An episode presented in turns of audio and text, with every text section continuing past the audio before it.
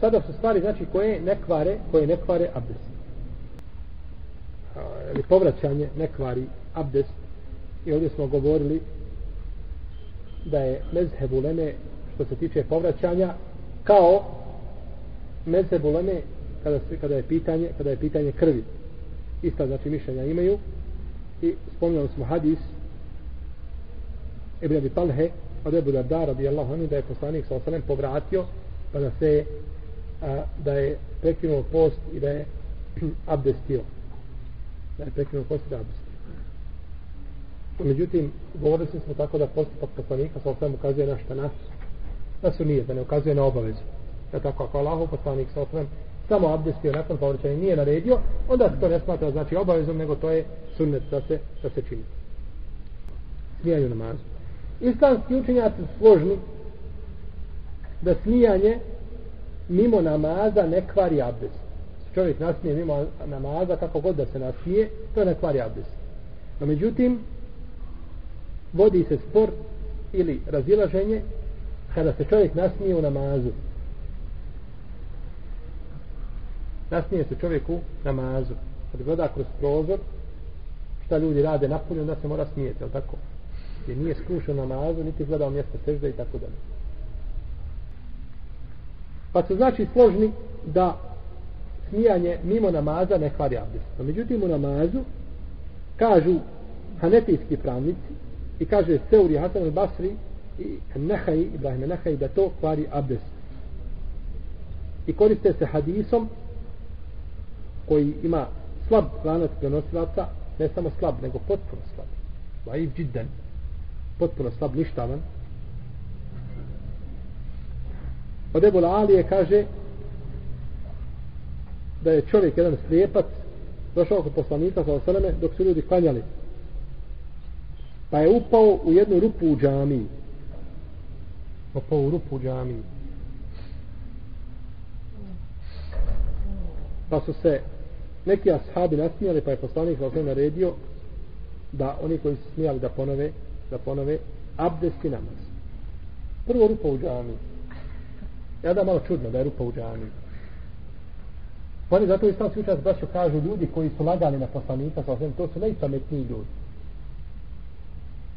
Slaže čovjek na Allahovog poslanika sallallahu alaihi sallam i ne možeš mu naći lahko mahanu riječima.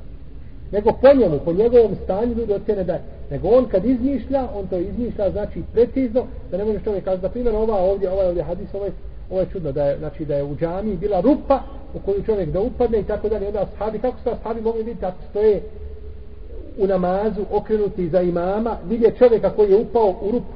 Nije rupa bila ispred nje, nego iza nje, jel tako? Ne može rupa ovdje u džami biti ispred imama tamo, nego treba biti gdje? Iza imama. Znači sve je čudno, jel tako? Pored toga, znači što ima mahanu lanc prenoslaca, sama priča po sebi je čudna.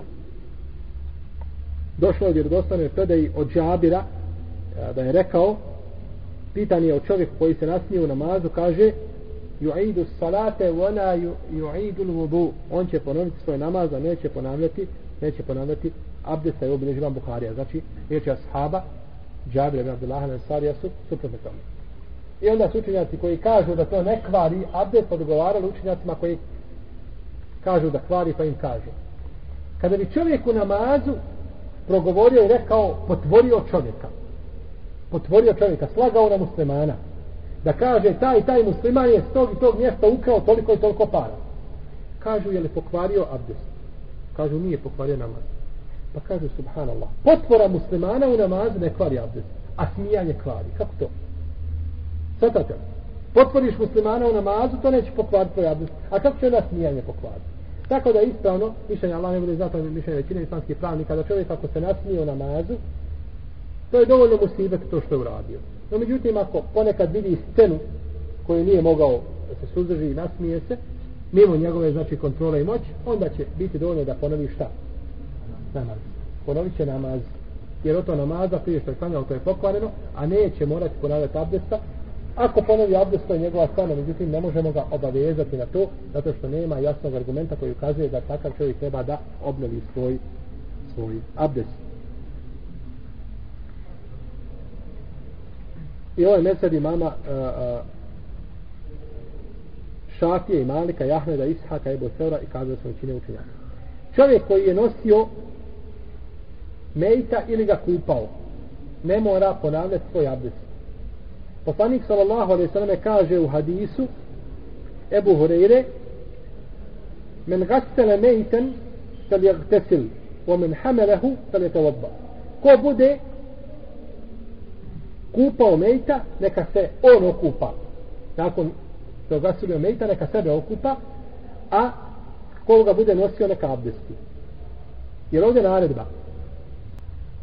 Prvo, da kažemo oko hadisa ima različite mišljenja, no međutim ispravno je da je Hasan.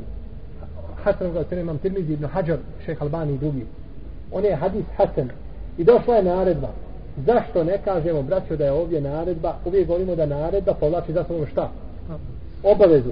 Zašto ne kažemo ovdje da je uzimanje abdesta nakon nošenja mejta vađib i da je kupanje nakon kupanja mejta vađib? Molim?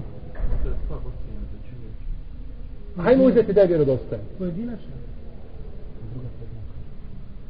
E, druga predaja. Ma znači veze s drugome takvom predajom. U svakom slučaju. Prvo, zato braćo što niko od islamskih učenjaka, osim Ibnu Hazma, koji umro 460 a, i pete hijđarske godine, nije kazao da je ovaj abdest ili kupanje u ovome slučaju vađib. Znači, prošlo je ovaj a, četiri puna, znači to je polovinom faktički petog hijđarskog stoljeća, on je to rekao. Svi su učenjaci prije toga govorili da je to sunnet. I druga stvar, došlo je u predaj Ibnu Abbasa, po kojoj je poslanik sallallahu sallam kaže ko bude kupao mejta neka opere svoje ruke kaže vaši mrtvi nisu nečisti. Za ovaj hadis kaže Hakim i Zehebi da je a, a, i Ibnu Mulekken da je vjerodostojan a šeha Albani Ibnu Hađer kažu da je dobar.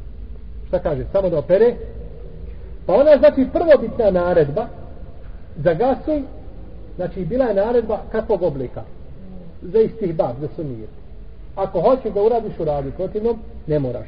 I navodi se u predaji od Ibnu Omara da je govorio kupali smo mejte i nosili ih. Pa odmah su se kaže neki kupali, neki menjali abdest, a neki se nisu kupali, nisu menjali abdest. Pa je znači stvar otvorena kako? Slobodno. I to se isto prenosi iz Ibn Suda Ibn Ajše sa vjerodostojnim lancem prenoslata da su govorili tako, ako nosiš mejta, okupaj se ako a, ako nosiš mejta, abdest ako želiš, ako ga kupaš, abdest se ako želiš. Pa nam znači, sve to ukazuje, predaj ili riječ ashaba ukazuju, da to znači tom naredom nije ciljano, znači ona kategorička a, a, obaveza, nego je znači to došlo za dobrovoljno.